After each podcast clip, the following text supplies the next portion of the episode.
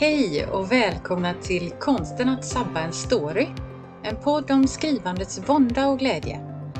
Det här är podden för dig som vill skriva mer, bli bättre och lära dig av misstagen så att du inte sabbar storyn.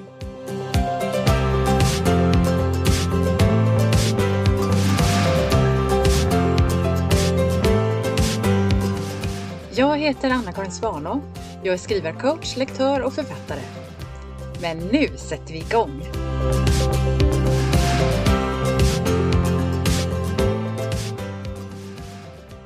Hej och välkomna till det åttonde avsnittet av podden Konsten att sabba en story. Idag tänkte jag prata om det här med att lära sig av sina misstag. Varför det är bra och hur man kan göra det. Men jag tänkte börja med ett misstag som jag tycker är värre än alla andra och dessutom rätt sorgligt. Och det är att inte ens våga börja skriva. Det där när man är så rädd att göra misstag så att man inte ens försöker. Och det är nog många av oss som har hamnat i den fallgruppen. Det är en ganska naturlig reaktion. För vem vill göra någonting dåligt eller ens riskera att göra någonting dåligt? Och då kan det bli en sån här hämmande faktor som stoppar även den bästa idé. Man vågar liksom inte ens ta chansen. Men vet ni, det behöver ju inte vara så här. Det finns sätt att komma igång igen och att våga ta risken. Och det första man kanske behöver tänka på då för att komma ur den här paralyserande känslan, det är att förstå skillnaden mellan råtext och redigerad text. Det här första utkastet, eh, det är när man har ett kreativt flöde, när man, bara, man skriver liksom bara det man kommer på. Och sen jobbar man vidare med texten och redigerar den. Det är i alla fall en väldigt vanlig arbetsprocess. Först ett utkast, sedan redigera. Några av er som lyssnar har säkert sett min broschyr som heter samma sak som podden Konsten att sabba en story eller vad man kan lära sig av andras misstag. Och I den har jag samlat en del av de vanliga fallgropar som jag har sett som eh, lektör när jag jobbar med andra författares manus.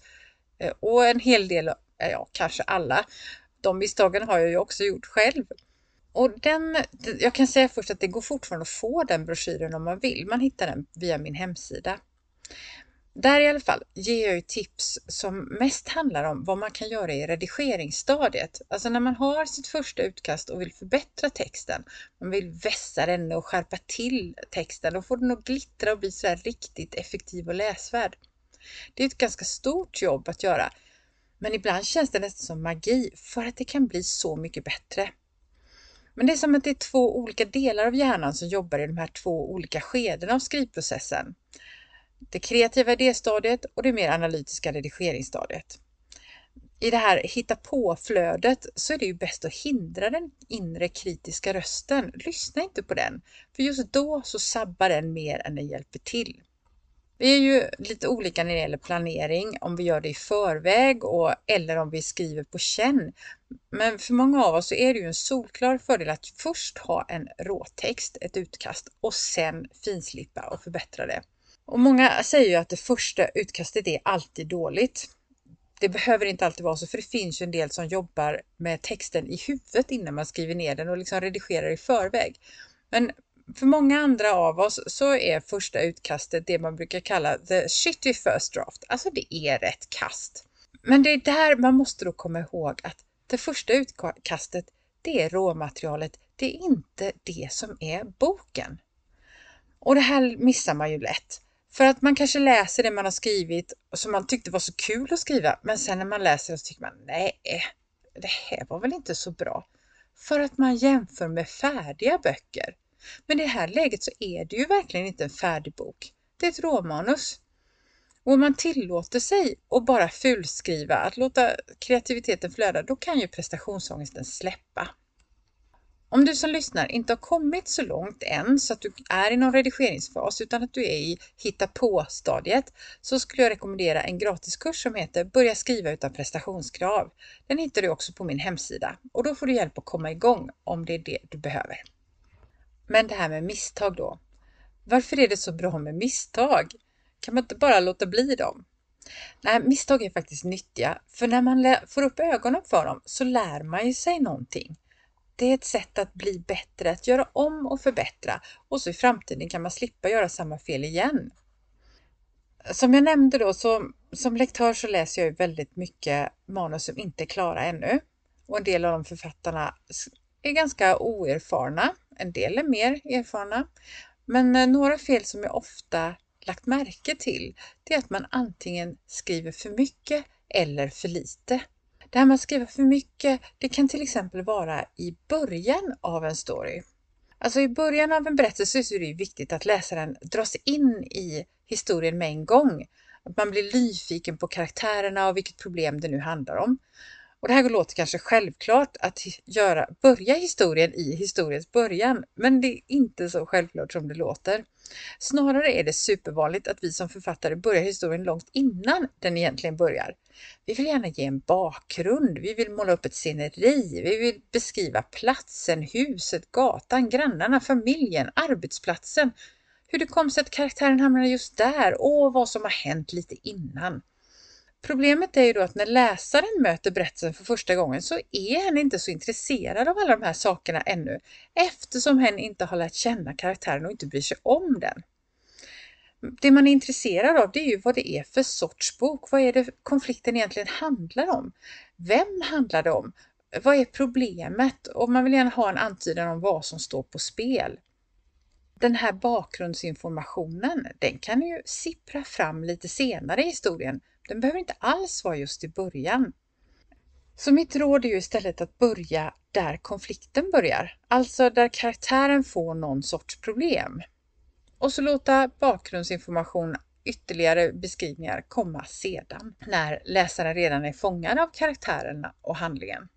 Anledningen att vi gärna börjar historien innan den börjar, det är för att vi själva som författare behöver lära känna karaktärerna och platsen och få veta lite vad som hänt innan.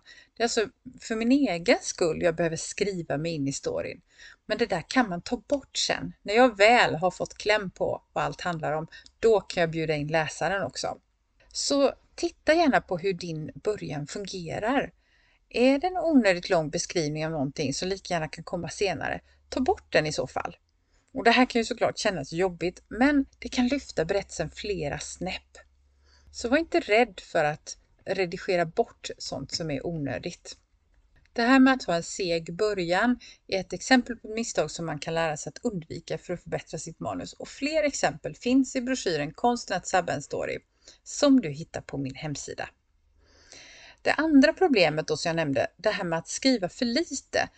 Ja, där tänkte jag ta ett exempel från något jag själv har skrivit.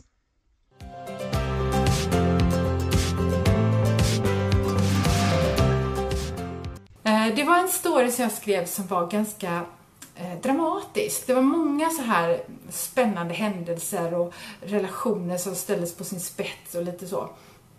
Och jag tycker ju att det är väldigt kul att skriva om de här laddade mm, ögonblicken och så vidare. Och vändpunkterna och när det kommer en insikt eller ett avslöjande. Så jag skrev liksom bara de här gottaste bitarna. Och sen lät jag en testläsare ta del av historien. Och då upptäckte jag väldigt, väldigt tydligt varför det är viktigt att ha någon, någon annans ögon på sin text. För att hon såg ju saker som jag inte alls fattade var ett problem. För i mitt huvud, här, så hade jag ju allting väldigt klart för mig. Jag förstod precis varför eh, karaktärerna reagerade som de gjorde.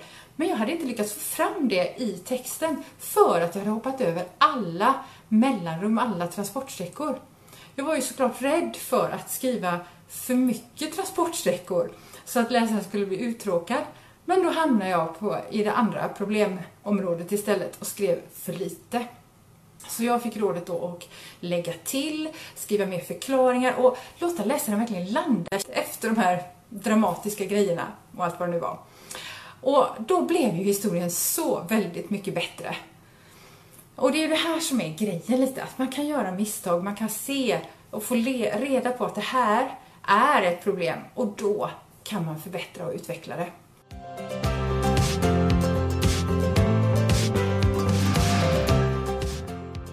När jag jobbar med andra författares manus som lektör eller skrivcoach så är det ju min uppgift att hitta styrkorna i manuset och hjälpa författaren att undvika misstagen och ge förslag på vad man kan förbättra istället och hur man kan eh, lyfta fram det fina som redan finns. Och ibland får jag den här frågan, vad gör jag om jag får in ett riktigt dåligt manus?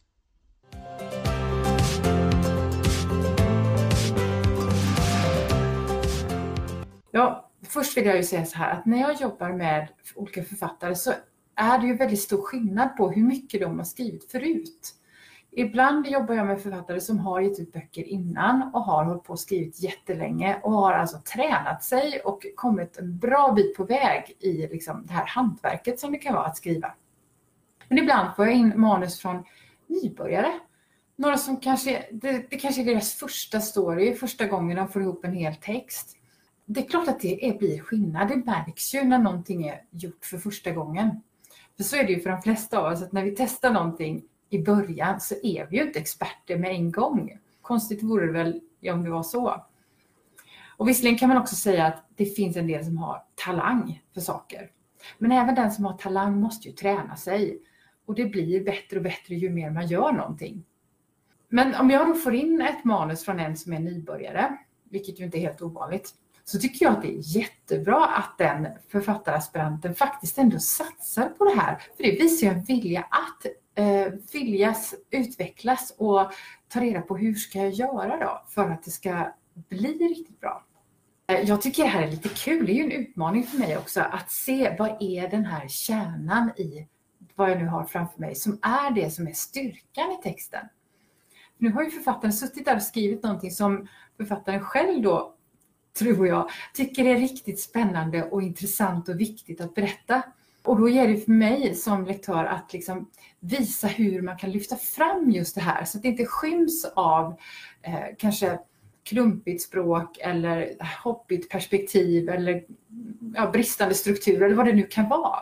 Men det här tycker jag är kul då att få fram det som är, det som är styrkan och det som är riktigt eh, bra i manuset och hjälpa författaren att komma fram till att liksom, mejsla fram det där fantastiska alla manus kan bli mycket bättre.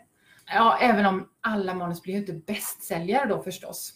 Och just när det gäller bästsäljare så handlar det ju om väldigt många andra faktorer eh, som inte bara handlar om manusets kvalitet i sig. En viktig komponent i detta är ju faktiskt hur mycket har författaren tränat? Jag tror att ett vanligt nybörjarfel det är att man inte riktigt fattar hur många omskrivningar, hur många redigeringar som krävs för att ett manus ska bli färdigt och i ett, ett skick så att många vill läsa det. Och jag tror att manus kan bli riktigt bra med vilja att våga lära sig, vilja att våga ta emot eh, konstruktiv kritik och att jobba och träna på det som kanske är svårt. Men det handlar ju också om då att inte ge upp och att man vågar tro på sin idé och sin tanke och att se att ja, men det här är ju ändå någonting som är värt för mig att berätta. För även om inte alla böcker då blir bästsäljare så tror jag att varje bok har, kan hitta sina läsare. Även om de kanske inte är så jättemånga. Men det är ju som när eh, jag tänker på alla dessa barn som spelar fotboll till exempel. Alla av dem blir ju inte fotbollsproffs. Men det betyder ju inte att det inte är värdefullt för den enskilda personen. Det kan ju vara det mest viktiga i livet ibland. Och hur är det nu med mig själv då? Använder jag som lektör också lektör? Ja, det gör jag. För jag blir ju i allra högsta grad blind på min egen text också när jag har på och jobbat med den jättelänge. Ehm, det är inte lätt att se sin egen text utifrån. Så jag brukar också använda testläsare och lektör och det är fantastiskt att få kommentarer från andra tycker jag. Även om det också kan vara lite jobbigt, speciellt när det är väldigt mycket grejer som man behöver ta itu med. Och ibland kan det vara så här också att jag, jag känner på mig att det är någonting som inte riktigt fungerar i texten. Men jag orkar inte eller förmår inte se vad jag skulle kunna göra åt det. Och så hoppas jag liksom att det märks inte. Det gör ingenting. Och sen kommer lektören och pekar ut precis just det där. Men då vet jag att ja, då är det värt att ta tag i. Och då kan jag få lite ny inspiration att faktiskt fixa det där. Och sen eh, finns ju chansen att det blir mycket, mycket bättre. Och det är det jag vill. Jag vill ju förbättra min text så att den, den verkligen kan bli en upplevelse för den som läser. Och jag tycker om att lära mig och att förbättras. Och om du också känner att du skulle vilja göra det, hur gör man då? Ja, ett tips är att gå en kurs. Det finns jättemycket skrivarkurser, både sådana där man träffas rent fysiskt och de kan finnas i Sverige, de kan finnas i utlandet och i kombination med olika andra teman ibland. Man kan också gå onlinekurs och sitta framför sin dator och jobba helt i egen takt. Eller man kanske vill ha personlig respons från en skrivcoach eller lektör. Om du är intresserad av några av mina tjänster och kurser så kan du titta på min hemsida www.annakarinsvana.se annakarinsvana.se Det finns också väldigt många andra som gör kurser och jag kan också tipsa om fler lektörer som finns hos eh, litterära konsulter. Och där kan du hitta någon som kanske passar just den sortens manus som du skriver. Så jag vill uppmuntra dig att våga träna, våga öva och våga hålla på och jobba med det som faktiskt är lite svårt. Eh, för att det är då utveckling sker. Det är då det kan bli riktigt bra. Det där med att se sina misstag. Det är jobbigt, men det är också där man kan lära sig och bli bättre. Tack för idag. Vi ses igen nästa vecka. Ha det riktigt bra med din, ditt manus. Hej då!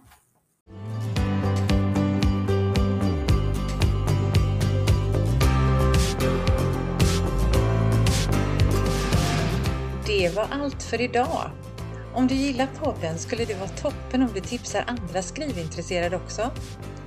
Titta gärna in på min hemsida www.annakarinsvana.se där finns bland annat en gratis minikurs om att börja skriva. Där finns också mer information om mina tjänster och kurser. Men nu är det dags att börja skriva.